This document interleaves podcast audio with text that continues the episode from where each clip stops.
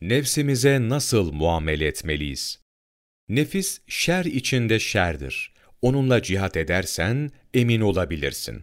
Neticede göreceksin ki hayır içinde hayır oluyor.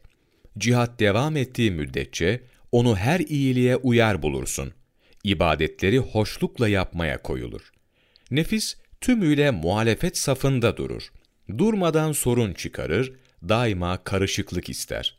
Onun ıslahını dileyen cihat ehli olsun. Ta şerrinden emin oluncaya kadar.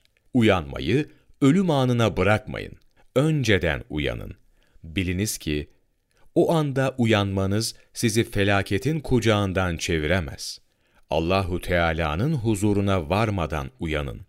Onun şiddetli emirlerini duymadan gözlerinizi açın.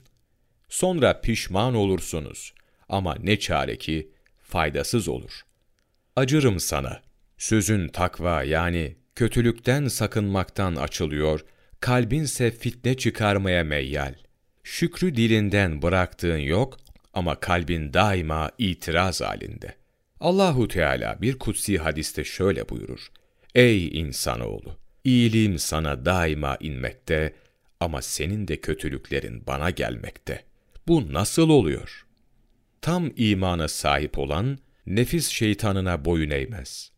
Şahsi arzularına uymaz. Aslında iman sahibi, nefis denen bir şeye hak tanımaz. Hakkı tanınmayan ve bilinmeyen bir varlığa nasıl boyun eğilir ki?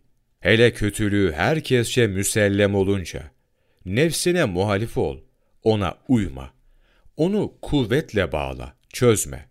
Onu hapset. Yalnız hakkı kadar ver. Fazla verme.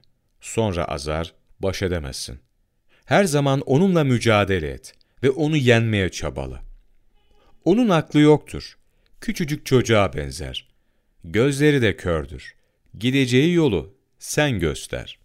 Abdülkadir Geylani Kuddesesi Ruhu İlahi Armağan Sayfa 23 Soru Abdestliyken tekrar abdest almanın sevabı nedir?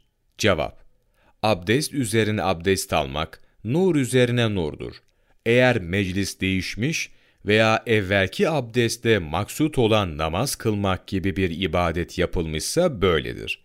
Abdestliyken herhangi bir ibadet yapılmadan tekrar abdest almak israftır. Vesveseye itibar etmemelidir. Tahtavi, sayfa 45, 9 Nisan Mevlana takvimi